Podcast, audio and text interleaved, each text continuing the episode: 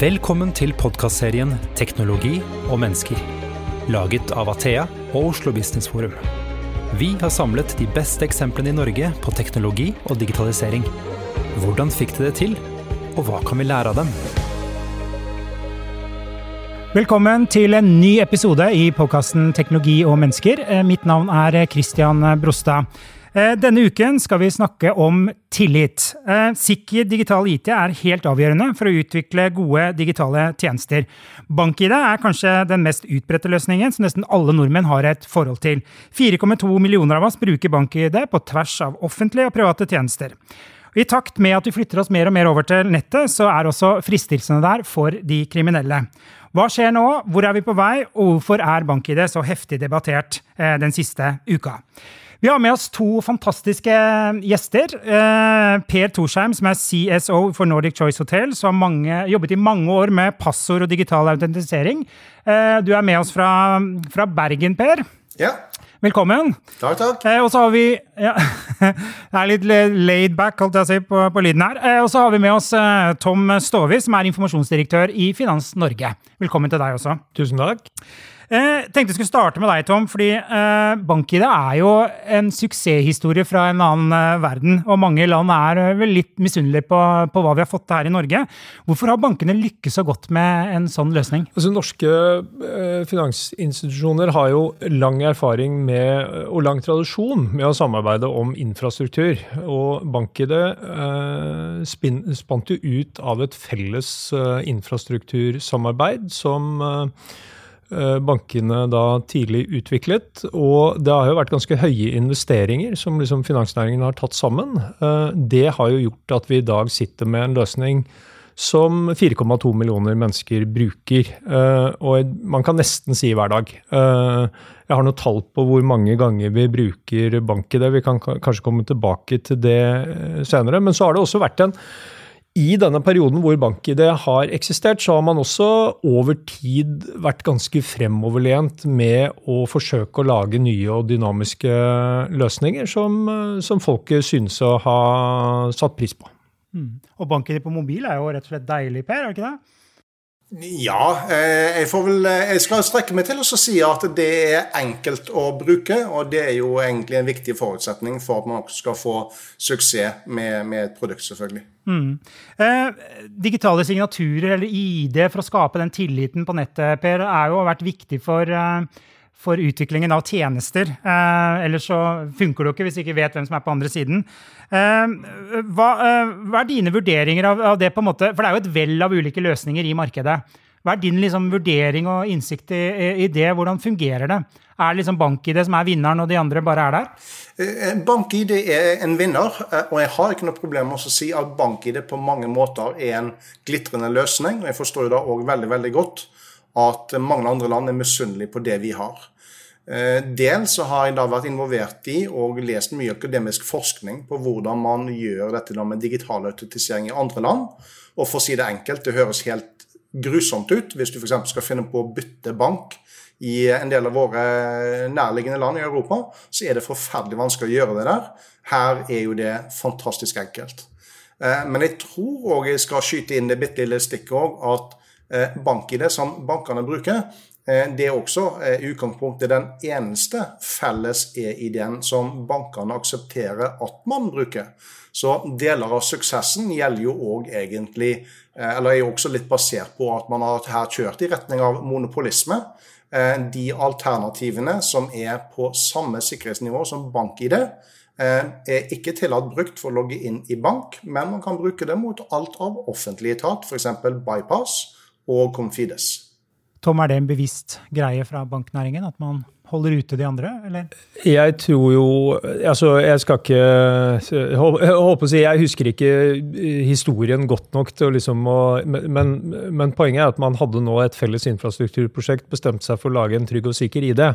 Og det ble den som vant frem i næringa.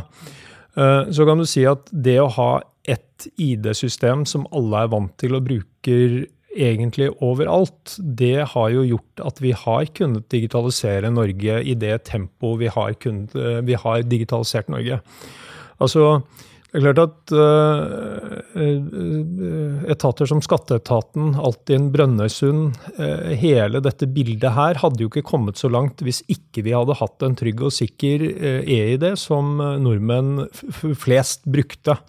Det har gjort at det arbeidet har kunnet gå mye fortere. og vi så det tror vi så det under koronakrisen, hvor viktig den digitaliseringen av Norge faktisk var for effektivt å kunne løse de problemene som oppsto. Og en EID var en av nøkkelpunktene, og at veldig mange brukte en EID som var liksom, eh, godt kjent i markedet var, var liksom en av nøkkelpunktene til at vi faktisk klarte å lage kompensasjonsordning.no så fort som den ble laget. Altså det er jo, Jeg har beskrevet det som et av de mest avanserte IT, eller i hvert fall fintech-prosjektene i verden de siste fem årene. Altså Det er et vanvittig eh, avansert prosjekt.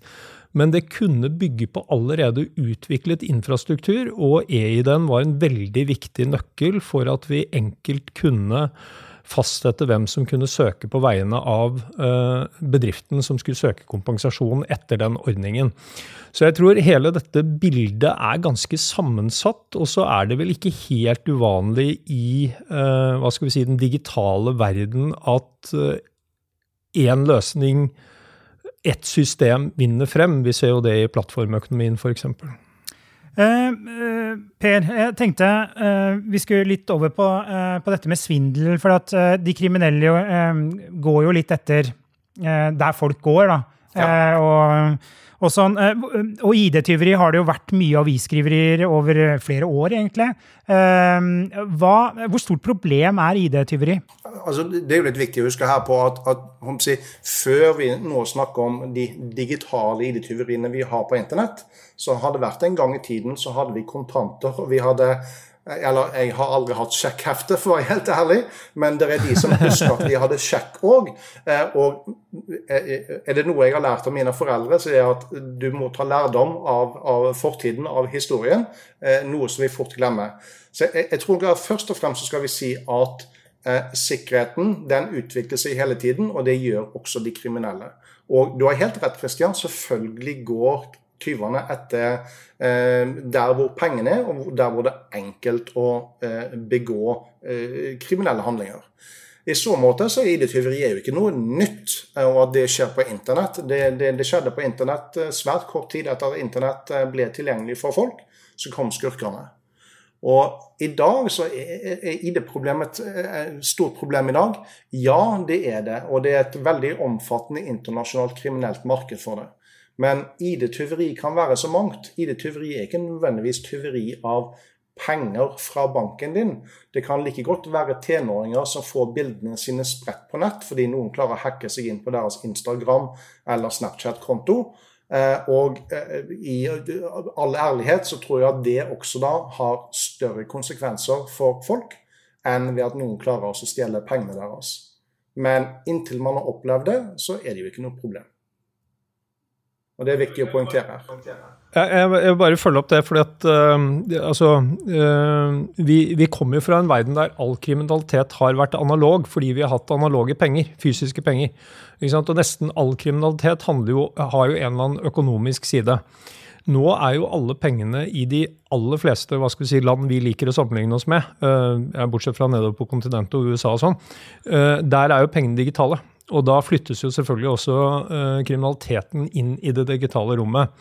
Jeg husker jeg møtte politidirektøren for noen uh, år tilbake. Han fortalte meg da han begynte i politiet, så var det råeste avdelingen du kunne havne i i uh, Oslo politikammer. Det var skapsprengeravdelingen. Uh, fordi at det var liksom de som hadde aller høyest ansiennitet, eller anseelse i politiet.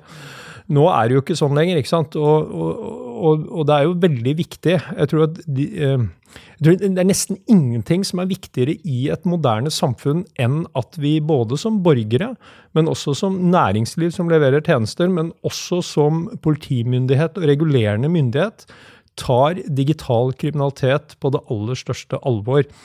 Og på mange områder så tror jeg vi måte er litt uforberedt, fordi at denne utviklingen går så fort. Eh, så Sånn sett så kan man si at eh, vi er mange som bør sette oss ned sammen og snakke nøye gjennom hvordan vi skal begrense alle former for digital kriminalitet.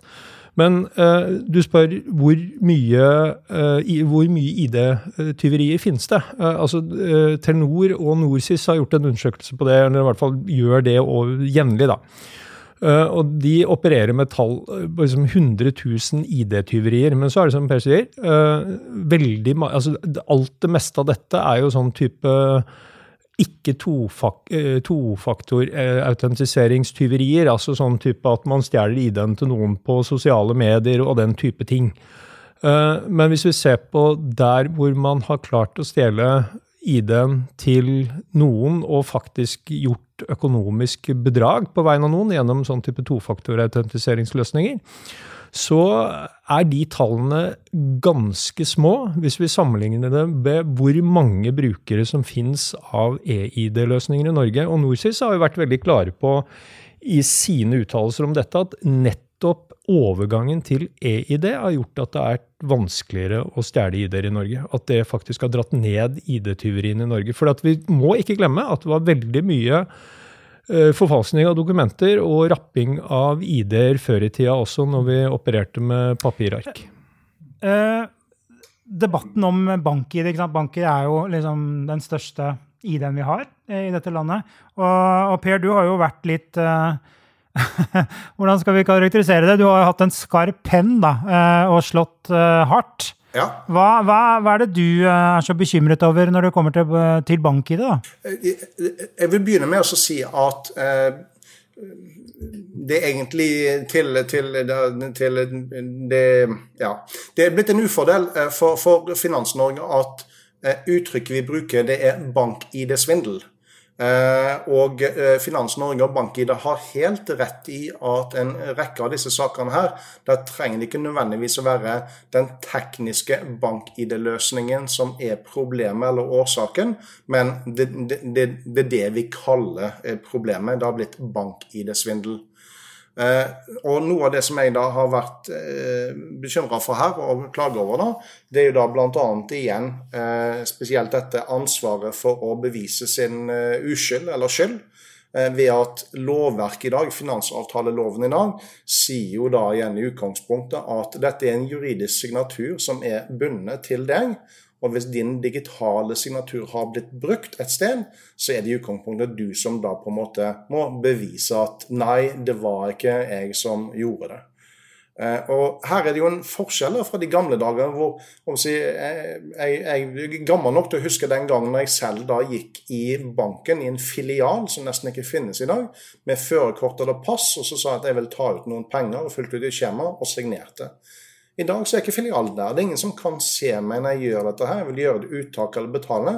Det er en digital ID.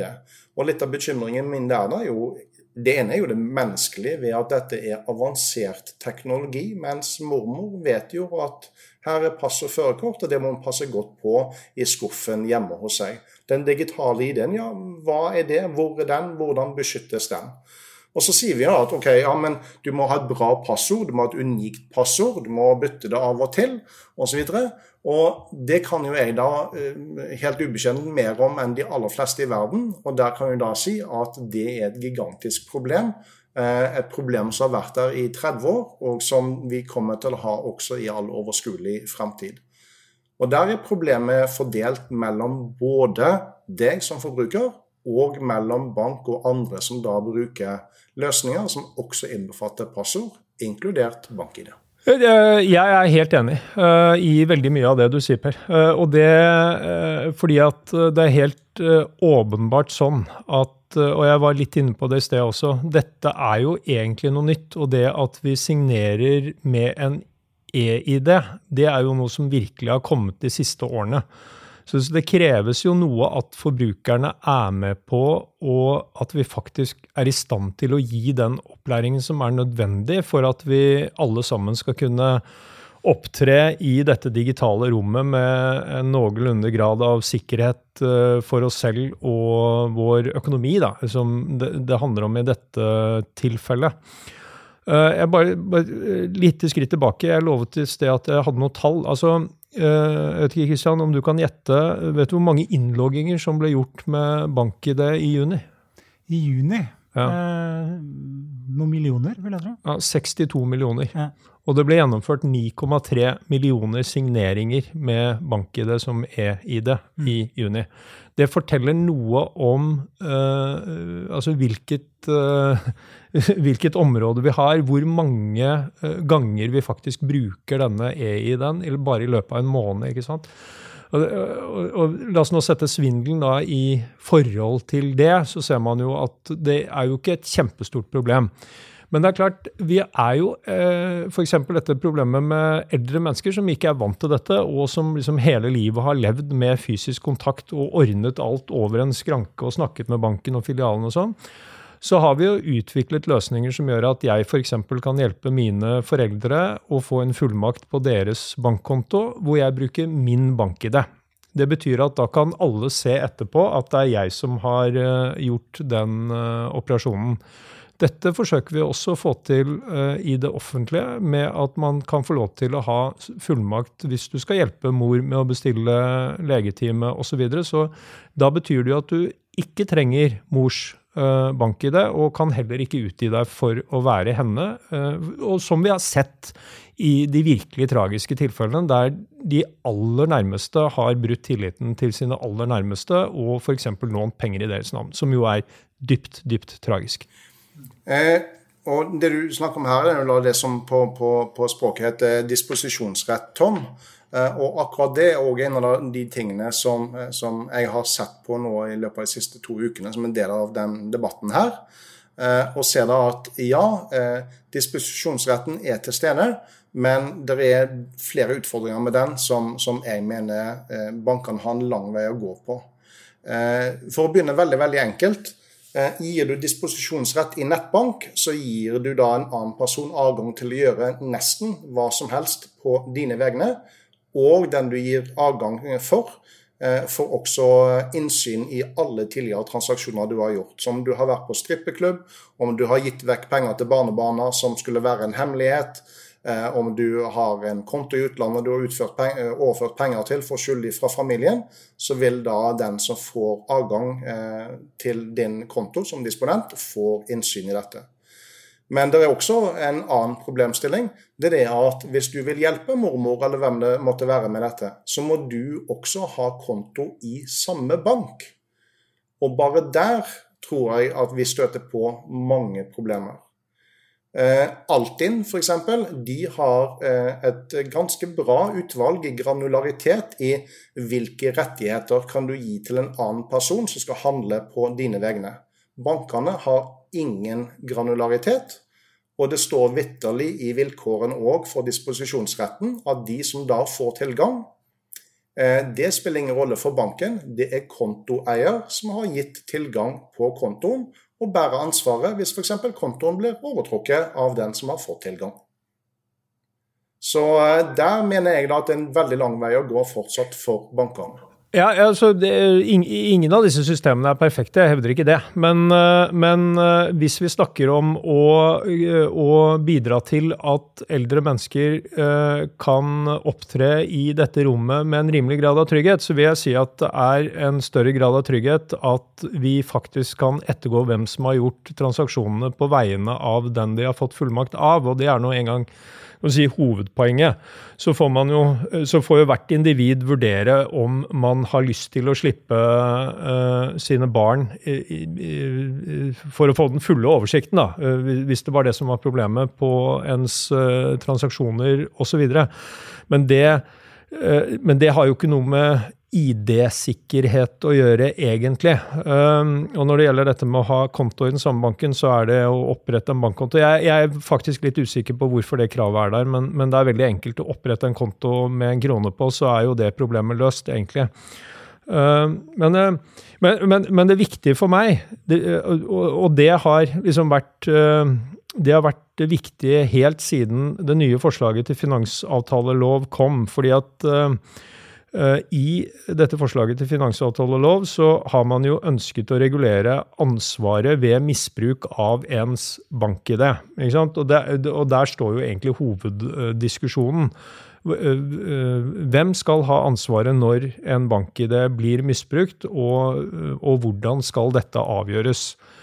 Og så har det jo vært ikke sant, Når antallet signeringer med lånekontrakter for så vidt har eksplodert de siste årene, så har det dukket opp noen og som vi snakket om i sted, tragiske tilfeller. Noen har fått tak i noen annens EID og uh, misbrukt den til å gjøre låneopptak. Uh, Veldig mange av de sakene er jo det vi kan kalle menneskelig svikt, brukerfeil. Du har stolt på noen, de har fått passord, de har fått tilgang, og så har de brutt den tilliten. Eh, BankID har jo aldri vært hacka, så det er jo ikke der man får tak i uh, passord og kodebrikker og eventuelt uh, mobilbanken. Eh, men, eh, og, og, det har også vært no, en del tilfeller av det vi kaller phishing. At det sitter noen smartinger og lurer deg inn på en falsk nettside, og du legger inn dine credentials der. Som noen klarer å misbruke i det lille tidsspennet det faktisk er fra liksom, kodene byttes. Sånn at Eh, eh, og, og, og, i dette nye forslaget til eh, finansavtalelov så dukker det opp et forslag der man faktisk må ha utvist forsettlighet for å bli ansvar, ansvarliggjort for det økonomiske tapet som oppstår hvis man er blitt svindlet. Selv ved grov uaktsomhet så blir man bare ansvarlig for 12 000 kroner for hvis noen har klart å ta opp en million i gjeld for deg, f.eks. Eh, og de aller fleste tilfellene vil da ende med det vi kaller uaktsomhet, antagelig, hvis man ser på dette, og da er ansvaret 450 kroner. Så, så kan vi si at ålreit, kanskje dette er riktig. Men vår opplevelse er at man ikke har tenkt grundig nok gjennom denne problemstillingen. Man har altså ikke tenkt grundig nok gjennom eh, plikter, rettigheter, ansvar, sikkerhet knyttet til elektroniske ID-er. Så vårt forslag har jo fra egentlig første dag vi fikk denne, dette lovutkastet i hånden, som er skrevet av noen få personer i Justisdepartementet. Det, har, det var altså ikke et forutgående lovutredningsutvalg som uh, hadde jobbet med denne saken. Uh, så vi har jo hele tiden foreslått at la oss nå i hvert fall ta et skritt tilbake. La oss ta den delen ut av dette, istedenfor å regulere plikter og ansvar og rettigheter knyttet til elektroniske ID-er i en særlov som finansavtaleloven, så mener vi vi skal ta det ut, og så kan vi la smarte mennesker, f.eks. Uh, min gode venn Per her, sette seg ned og tenke, grunn, og tenke grundig gjennom problemstillingen. Altså i f.eks. et utvalg som altså, grundig tenker gjennom problemstillingen. Hvordan skal vi regulere en fremtid der vi kommer til å bruke elektroniske ID-er mer? Eh, og dette kunne, Jeg mener dette utvalget også burde hatt eh, god teknisk kompetanse, som liksom kunne bore ned i hvordan de ulike e-ID-ene er skrudd sammen, hvilken sikkerhet de har, hvordan de kan misbrukes, hvilke type misbrukssituasjoner kan vi komme opp i. Og så, når man har gjort det, så kan man komme tilbake med en god regulering til markedet som er ganske gjennomtenkt. Det er liksom det som har vært hele vårt utgangspunkt i denne debatten. Og så har vi advart mot at man eh, lager en regulering der det nærmest for alle praktiske formål ikke blir noe ansvar til individet gitt misbruk av ens EID, fordi da har vi vært bekymret for hvordan forbrukerne kommer til å oppbevare EID-en, kommer til å uh, skjule passordene sine osv. Og, så og da kan tilliten til systemet hele systemet og bruken av EID as such i Norge falle, og det kommer til å bety noe for den videre digitaliseringen av Norge. Så det, det, er egentlig ikke det at vi ikke ønsker å ta ansvaret, eller at bankene ikke gjør det de kan for å stoppe svindel som er utgangspunktet for denne diskusjonen. Vi tenker dette i et litt større perspektiv. Og det har vært litt vanskelig å bringe til torget i denne debatten, fordi at alle mistenker oss for at vi bare har lyst til å gå på den enkleste og, og ta penga derfra, liksom. Det er ikke det dette handler om, og det er det veldig viktig for meg å understreke. Per, du er også engasjert deg i det her. Ja, altså, det, det, det er jo det, det, er flere saker her, og jeg tror liksom at det, er kanskje viktig å si da, at det, er det er de prinsipielle avgjørelser vi må ta. og Jeg er helt enig med Tom at selvfølgelig det må en, eh, det må en grundig debatt til, det må en grundig foregående, eh, foregående arbeid til før vi driver på oss og lager nye eller også endrer på eksisterende lover. Eh, der hvor min posisjon er, eh, er jo denne Og jeg skal ikke si, nødvendigvis si at bankene er eh, grådige og kun vil ha sine penger. Det blir en for tynn påstand. Og ID-tyveri kan jo også selvfølgelig brukes overfor alle andre brukersteder som bruker bank-ID, fra Altinn til hvis du skal ha solkort på brun og blid, for de bruker også bank-ID i dag. utelukkende for å bekrefte at du er gammel nok til å ta solseng. Eh, og hvilken øvrig sikkerhet brun og blid har, det får bli en helt annen diskusjon. Men det som er viktig, og der hvor jeg sitter i dag, det er at jeg finner det dypt urettferdig at i én sak så er en person eh, si, dømt til å betale tilbake eh, forbrukslån som har blitt tatt opp i vedkommendes navn, selv om de kriminelle som begikk ID-tyveriet og tok opp disse dyre forbrukslånene, har blitt tatt og dømt av politiet. Det bryr ikke banken seg om. De vil ha pengene tilbake av det som er deres kunder og rammer dette. Det finner jeg grovt urettferdig. Jeg finner det også grovt urettferdig og uforståelig at en dame på 94 år med dokumentert Alzheimers blir dømt for grov uaktsomhet når hun har skrevet ned passordet til sin bank-ID. Men dette er, jeg vil ikke laste dette på bank-ID eller på Finans-Norge. Dette er et problem som loven skaper. Og da er mitt forslag at vi må få gjort om på loven. Og enkelt forklart så er da mitt utgangspunkt at bankene og brukerstedene av EID, om det er Altinn eller Brun og bli må bevise bedre at kundene har handla grovt uaktsomt, istedenfor at dette bare blir en sånn sannsynlighetsvurdering at mest sannsynlig så har kunden gjort det. Det mener jeg det holder ikke mål. Ferdig. Nei, det, uh, not, um, du trekker opp uh, noen uh, tragiske enkeltsaker. Jeg har også lest en del tragiske enkeltsaker. Det jeg vet om dette, er jo at det har vært Eh, litt ulik behandling av denne type saker i ulike finansinstitusjoner. Så at, altså, her kan man ikke se på bank liksom som én gruppe som har behandlet disse sakene på én måte. Eh, de aller fleste av denne type saker har vært løst i minnelighet uten at du og jeg har hørt om dem. Um, ikke sant? Sånn at, og jeg er helt enig. Det, altså, det er klart at vi kan ikke ha i, en, i, en, god del altså Jeg skal ikke uttale meg om hver enkelt sak, men, men, men, men, det er helt åpenbart at det er riktig å gå inn og se på hvordan ansvar, skyld og plikter blir fordelt i denne type saker, sånn at vi får en ensartet regulering. Uh, og hvis man da kan tenke seg at uh, liksom, Jeg hører noen si at vi har vært i den ene grøfta nå med dag, nåværende lovgivning så jo, eh, så er jo vår påstand at er, vi tror ikke det er lurt å gå over i den andre grøfta på den andre siden av gaten. Vi må liksom prøve å finne et eller annet sted midt i veien som vi kan leve med alle sammen.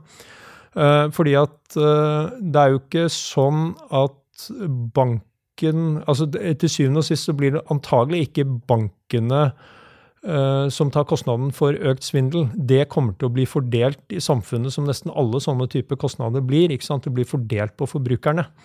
Så spørsmålet er jo hvordan altså, Jeg sier igjen, jeg tror vi hadde hatt godt av å ta et godt skritt tilbake. Eh, tenke oss godt om, skrive i boken eh, og vurdere hvordan, hvordan vi skal regulere EID generelt i samfunnet, og også da spesielt knytta til finansavtaler eller alle mulige andre steder der man bruker dette, eh, før man liksom litt i hyrten og styrten skriver dette inn i eh, finansavtaleloven, som er en særlov nå, eh, hvor man etter vårt syn beveger seg altfor langt ut på den andre grøftekanten og skaper noen nye problemer som vi jeg tror vi ikke helt har tenkt godt nok igjennom. Da. Det er jo det er mitt poeng. Og, så at vi, jeg er jo eh, eh, Ingen av oss vil jo at noen skal bli rammet av et ID-tyveri der man taper masse penger.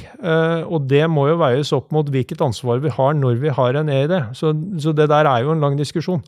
Men vårt råd har jo altså da vært la oss tenke gjennom dette og, og regulere dette prinsipielt og generelt før vi, før vi, ser på hvordan vi skal regulere det i forhold til finansavtaler. Det tror jeg vi hadde tjent på som samfunn. Mm. Hvor står saken nå? Er den ute til høring, eller?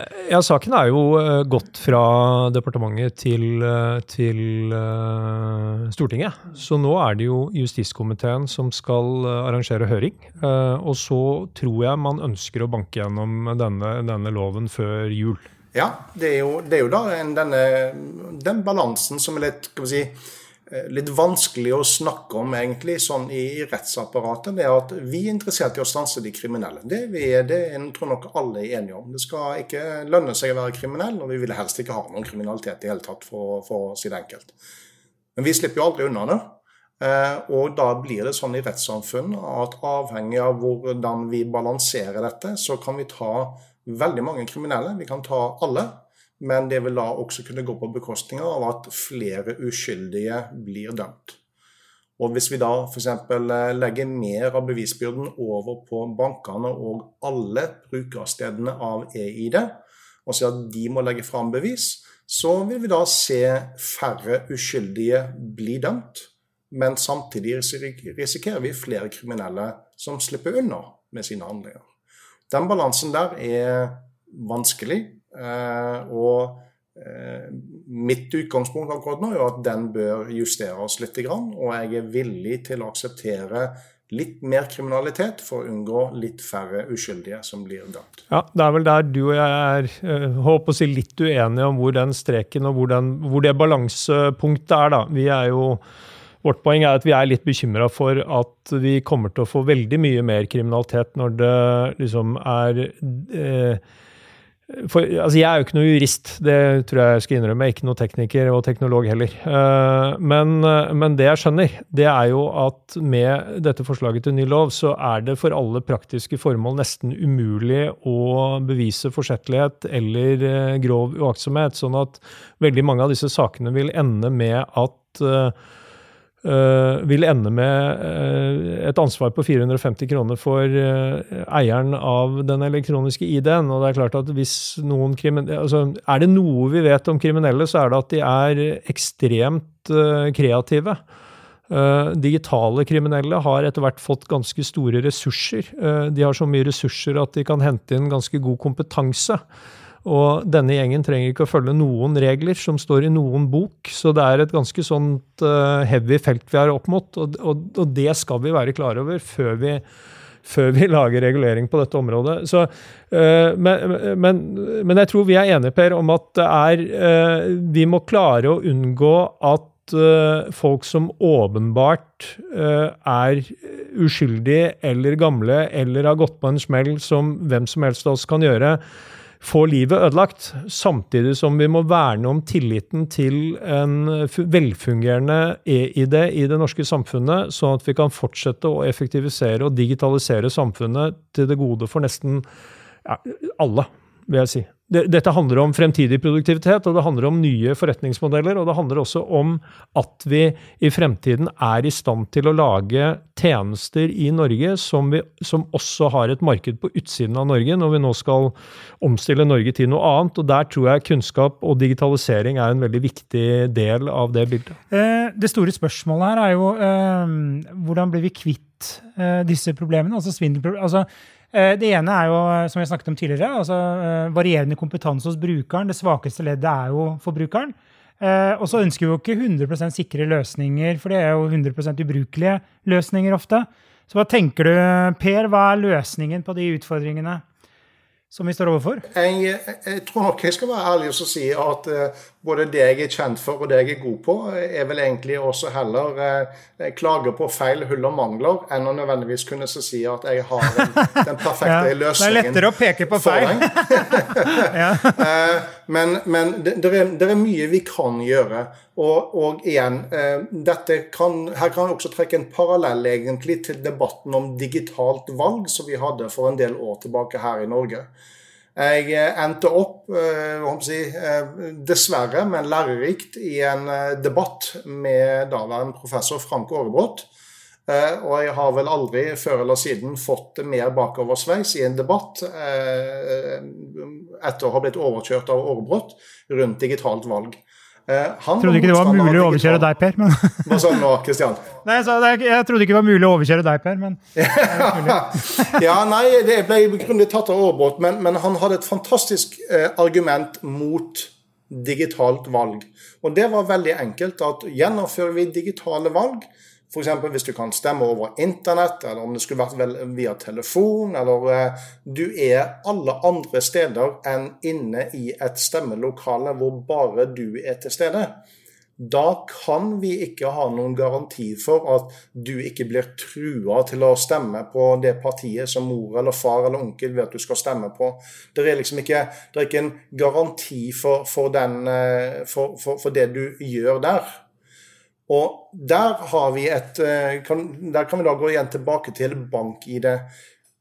En betalingstransaksjon til utlandet som går fra min konto til noen kriminelle. Eh, da sier vi at det er min bank-ID som har blitt brukt. Ja, det er greit, men hvordan kan vi bevise at det var Per, altså den fysiske personen, som gjorde det? Og eventuelt også ble Per trua til å gjøre dette? Noen sto med pistol til hodet mitt. Der er det gjort en eh, endring hos svensk bank-ID, som da ble annonsert stort i begynnelsen av 2019, altså i fjor. Hvor de sa det at eh, veldig mange i Sverige i dag de bruker da en egen bank-ID-app. Så de bruker ikke kodebrikken, og de bruker sånn ikke bank-ID på mobil på samme måten. De har en bank-ID-app. Eh, vi har også fått tilsvarende i Norge, men den gjør da veldig lite. I Sverige så er det da sånn at denne bank-ID-appen må da brukes for å skanne en QR-kode, som det heter, som vises på skjerm, for på en måte å godkjenne en transaksjon eller logge det inn osv. Eh, litt vanskelig, men eh, poenget her er at dersom skurkene skal klare å utnytte dette, så må de få tak i din fysiske telefon. Og i de aller fleste svindeltilfellene så er, er det ikke det som skjer. Og eh, eh, politiet i Sverige og da eh, bedriftene som da utvikler bank-ID i Sverige, de annonserte da i fjor at de hadde sett en 90% nedgang i det vi da kaller bank-ID-svindel, fordi de innførte denne endringen her. Vi har ikke tilsvarende i den norske bank-ID-løsningen. Uh, og da er jo igjen et, et sånt spørsmål til, til, til, til, Tom, da egentlig. Det er jo da igjen i hvilken grad ser bank-ID i Norge til f.eks. svensk bank-ID, og det som de åpenbart ser ut til å ha hatt suksess med? Eh, svaret på det er jo at det foregår et, eh, det foregår et utviklingsløp i bank-ID. Vi har Næringa har jo nå satt seg og har sittet sammen uh, over tid for å uh, tenke gjennom hvilke tiltak vi kan gjøre for å bedre sikkerheten og redusere muligheten for svindel. Den gruppen kom opp med 30 konkrete tiltak som kunne gjennomføres. Dette er blitt dratt ned til en liste som nå vi jobber ganske hardt med å utvikle videre. Eh, vi har jo bank-ID på mobil i Norge, og som du sier også, så er det jo Det er jo gjort eh, noen, noen banker har jo den eh, kodegeneratoren ute som app også i Norge. Men, men, uansett hvordan man snur og vender på det, uansett hvilken elektronisk ID du bruker, så vil du eh, være sårbar for, eh, for eh, hva skal vi si, menneskelig svikt eller menneskelig tillitsbrudd. Hvis kravet i den svenske ordningen er at du får tak i noens mobiltelefon, ja, så er det å få tak i konas mobiltelefon som du har innloggingen på. Så at du, du liksom fjerner jo ikke den type svindelmulighet selv, tror jeg nesten uansett hvilket system man lager. Sånn at uh, jeg tror vi må tilbake. altså Det viktige her er å gå tilbake og én, vi må uh, vi må sørge for at alle brukerne av elektroniske ID-er får den nødvendige informasjonen. Og der har norsk finansnæring helt åpenbart et stort ansvar, sammen med uh, offentlige myndigheter og alle gode krefter i samfunnet, på en måte. Eh, fordi at vi må på en måte læres opp til å være borgere i det digitale rommet. Eh, og, og, og vi har jo altså Se på dagens unge, da. Eh? Da Facebook og, og, sosiale medier kom, så var jo det liksom en slags sånn reise vi måtte gjennom for å skjønne hva som kunne skje, hvilke farer som er der ute, hva vi skal passe oss for, osv. osv. Uh, og det der er en sånn stadig utvikling. Jeg, tror aldri dette kommer til å stoppe. Du må, Vi må liksom ha den derre der indre stemmen som forteller oss at vi må være litt skeptiske, vi må være litt forsiktige, vi må tenke oss et par ganger om. Uh, så, men, men, og, men, så tror jeg Ja. Uh, og, her er jo mye utfordring. Vi vet jo at De kriminelle de ligger foran oss. Og vi uh, hopper og hinker og halter og løper etter dem for å prøve oss å holde tritt med den kreativiteten de utviser. men det er jo der òg da igjen jeg, en, en, påstand fra meg det er at når vi da hele tiden er enige om at de kriminelle er ekstremt flinke, og de ligger foran oss, Eh, og når da selv bankene sånn sett på en måte lar seg lure og på en måte innrømme at jo, de ligger bak skurkene, det er da jeg finner det litt mer vanskelig å forstå at hvordan skal du da kunne forvente at sluttbruker klarer å ivareta denne sikkerheten eh, på en god nok måte? Det å passe på kodebrikken sin og det å ha et bra passord som eksempel, det er noe som er eh, vanskeligere enn man kanskje vil tro. Eh, bare en sånn ting som at eh, eh, folk som sitter på regnskap, eller folk som da f.eks. skal rapportere til Altinn osv. i en bedrift, de vil gjerne være nødt til å ha med seg enten bank-ID-brikke eller bruke bank-ID på jobb når de skal gjøre myndighetspålagt rapportering. Men i forbindelse med kortsvindel, fysisk kortsvindel og tyveri av de, så er det jo tidligere blitt sagt at det eneste stedet du har lov til å oppbevare mer eller mindre eh, bankkortet ditt på en trygg måte, det er i ditt eget hjem. Ikke på hotell, ikke på jobben, ikke på en rekke andre steder. Hvis det nå også da blir en avgjørelse i Høyesterett nå i veldig nær framtid som nettopp dreier seg om oppbevaring av bank-ID-brikker på jobb, hvis Høyesterett der da kommer en avgjørelse som sier at dette er ikke så lurt, da har vi et stort problem. Ja, du henviser jo stadig til enkeltsaker som, som, er litt vanskelig å gå inn i. Eh, men jeg, jeg, jeg har lyst til å gripe fatt i eh, Hvis du sier at, eh, at, bankene innrømmer at de ligger etter skurkene det, Jeg håper ikke jeg er blitt oppfattet den veien. For det, det gjør vi aldeles ikke. Altså norske, eh, vi, vi, snakket litt om det i sted. Det er lite svindel i Norge. Eh, norske banker eh, har fått et oppdrag, hvis vi snakker om det brede feltet økonomisk kriminalitet, da, så har jo finansnæringen fått et oppdrag i å stoppe mest mulig økonomisk kriminalitet. Det vil si detektere og melde fra om transaksjoner som er mistenkelige. og, det blir altså stoppet betydelige mengder transaksjoner i Norge. Bare i fjor så gikk det 12 000 NT-meldinger, altså uh, meldinger om mistenkelige transaksjoner til Økokrim fra norsk finansnæring.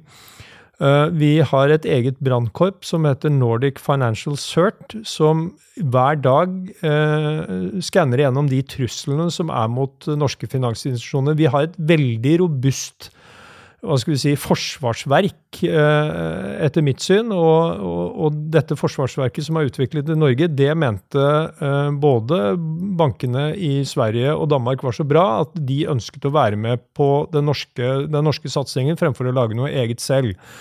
Eh, og dette, og dette brannkorpset de tar ned f.eks. Ne, falske nettsider jeg vet ikke om de gjør det daglig, men i hvert fall veldig ofte. Så det er ikke sånn at vi ikke har en mur mot de kriminelle. Det er ikke sånn at de kriminelle løper langt foran oss. Eh, det er lite svindel i Norge. Det er lite eh, økonomisk kriminalitet også. Eh, men vi lever i et tillitssamfunn. Vi stoler på hverandre, og det håper jeg at vi også kan fortsette å gjøre, fordi at det er den viktigste ingrediensen i det som heter norsk verdiskapning og velferd, det er at vi faktisk lever i et tillitssamfunn. Vi bruker veldig liten tid på å ikke stole på hverandre. Uh, og, det er det vi bringer med oss inn i det digitale rommet. Uh, som vi skal tenke litt igjennom hvilke konsekvenser det kan ha i det digitale rommet. For det er ikke alltid du snakker med den du tror, på den andre enden. Sant? Og Nå nærmer vi oss slutten her. Tida går jo unna her. Jeg tenkte, Per, du er jo sånn passordguru. Eh, lytterne våre trenger noen råd her. Ja. Hva er dine beste råd i forhold til passord? Eh, du skal bruke unike passord for hver tjeneste du har, spesielt de tjenestene som da er viktige for deg. Har du en boks hjemme, så kan du bruke 1, 2, 3, 4, 5, 6 som passord på den, når den utgangspunktet ikke har noen betydning for deg likevel. Jeg vet det er vanskelig å ha unike og gode passord på mange ulike tjenester. Derfor anbefaler jeg at man bruker helt vanlige, positive setninger som er enkle å huske. Og det folk ikke vet, er at du kan bruke mellomrom i passord, så du kan bruke en helt vanlig setning. Og det siste, og kanskje viktigste rådet, det er også skrive de ned. Fordi det finnes ingen perfekt løsning for sikkerhet. Og når vi står mellom følgende to valg, enten at brukerne bruker dårlige passord og gjenbruker de på tvers av mange ulike tjenester, eller de lager gode passord og skriver dem ned på papir under forutsetning av at man stoler på de som er aller nærmest deg, så er det veldig klart og tydelig at det som fungerer, det er å skrive ned passordene sine. Hva syns du om uh, passordapper? Passordapper de anbefaler jeg, men de anbefaler jeg da for folk som i utgangspunktet er eh, Nå holdt jeg nesten på å si millennials her, men de som i utgangspunktet er godt vant til å bruke datamaskiner, eh, der anbefaler jeg det på det varmeste. Men for min egen mor så har jeg da mange ganger i egne prestasjoner sagt at eh, Og for mamma så har jeg sagt skriv de ned og legg de på et ark i kjøkkenskuffen. Trusselbildet for mamma er enkelt. Ingen utenlandsk etterretning vil gå etter min mor for å ta meg. Hjemme hos oss, hos min mor, så er det én trussel. Det er pappa.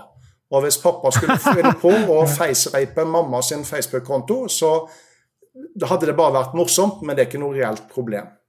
Eh, og skulle jeg eller mine søsken finne på å bruke det passordet som mamma har på en papirlapp, til å stjele arven, så vil det bli oppvaskmøte i familien. Så i så måte så sier til mamma skriv de ned, det er helt trygt. Mm. Tom, er du god på passord, eller?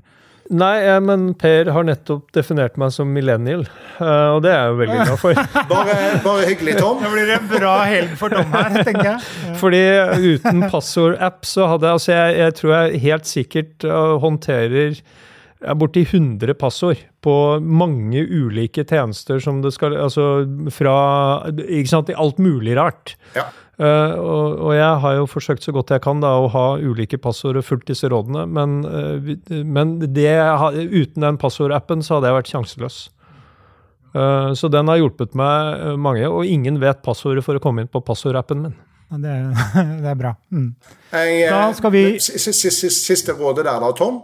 I nattbordskuffen min så ligger det en, et brev i en konvolutt som eh, jeg nesten kan kalle mitt digitale instrumentet. Der ligger passordet til min passordmanager. Sånn dersom noe uforutsett skjer, og jeg ikke blir i stand til å holde foredrag lenger, så kan mine nærmeste, som jeg stoler på, rydde opp etter meg. Ja. Og med den tragiske utgangen på uken, så eh, Men vi må over til vårt faste innslag. Digitale vaner. Bli kjent med gjestene ved å snoke deres digitale liv. Hva gjør de egentlig på nettet? Hvilke favorittapper har de? Er det streaming eller linær-TV som gjelder? TikTok eller Snapchat? Vi spør i Teknologi og mennesker. Da har vi kommet eh, dit i, episoden at vi skal snoke litt i eh, gjestenes digitale liv. Og greia er at dere får da to alternativer, og så skal dere velge ett av de to alternativene. Okay. Og det er ikke lov å velge eller la, skape sitt tredje alternativ, da, selv om det av og til kanskje er litt fristende. Skal vi begynne med deg, Tom? Ja, du skal, du skal inn i mitt Ja, ja nettopp. Nå er, nå er jeg veldig spent. Ja. Uh, Instagram eller TikTok? Instagram, men jeg er ikke så veldig aktiv. Nei. Hva med deg, Per? Instagram. Instagram. Er det ingen som uh, snoker på TikTok? jo, selvfølgelig snoker jeg på eh, TikTok, men jeg har ikke konto der. Jeg overvåker andre der. Okay. Ja, jeg, men jeg har, jo, jeg har, jo, barn, så jeg er jo, jeg er jo selvfølgelig fullt klar over hva, hva den tjenesten er. Ja. Mm. Uh, neste emoji eller tekst? Nei, det, det, jeg liker tekst, jeg. Ja. Uh, altså, Jeg bruker jo masse emojis også, men, men, men jeg, jeg, tilhører nok de som fortsatt skriver smiley med, med, med, med ja, på tastaturet, ja. med, med, tre tastetrykk. Mm. Per, er du emoji-mann? Ja, jeg, er- jeg er gammeldags eh, for all del normal tekst, og emojis det er for å tilfredsstille millennials og min datter. Ok. Eh, Tom, hjemmekontor eller kontoret på jobben? Oi. ehm, eh, nei, altså jeg er jo uh, uh, Jeg er jo nå genuint lei av korona. Altså Hjemmekontor har selvfølgelig noen fordeler. Det er fordeler og ulemper med alt, liksom. Blant annet det å ha peis på kontoret er veldig hyggelig når du sitter på hjemmekontoret. Ja, ikke sant. altså, jeg, har ikke. Jeg, jeg, jeg har ikke peis på kontoret, men jeg syns det var veldig hyggelig denne uka. Fyre litt, det var litt kaldt i stua. så... Eh, men men jeg, tror jeg, jeg tror jeg detter ned på kontoret i, på, i det lange bildet, ja. Det, absolutt. Men med en mulighet for å være på hjemmekontor, det syns jeg er en god løsning. Men ikke hjemmekontor med en mulighet til å være på kontor. Nei. Per? Jeg tror jeg har blitt mer sosial med årene, så jeg vil tilbake på kontoret. Jeg blir gal av alle disse videomøtene, for å si det rett ut. Eh, ringe eller sende meldinger? Eh, Litt avhengig av øh, Hvis det er øh, øh, Kommer hjem klokken fire, elsker deg. Så er det veldig greit å sende melding. Men hvis det skal foretas en lengre telefonsamtale, så er, det skal sies mye, så er det jo mye bedre å ringe. Jeg syns jo man ofte får avklart mye, ting mye fortere ved faktisk å ringe. For da får du en reaksjon, får gjort opp deg istedenfor å sitte og taste til hverandre. Ja. Per? Ja, nei, jeg vil ringe og snakke med folk. Det er følelser man kan få fram som ikke vises i tekst. Men jeg må jo legge til her, og det er nesten litt fristende å spørre deg, Kristian. Dette med at ungdommer nå filmer seg sjøl når de spiller inn en melding, og så redigerer de den eller spiller den inn flere ganger.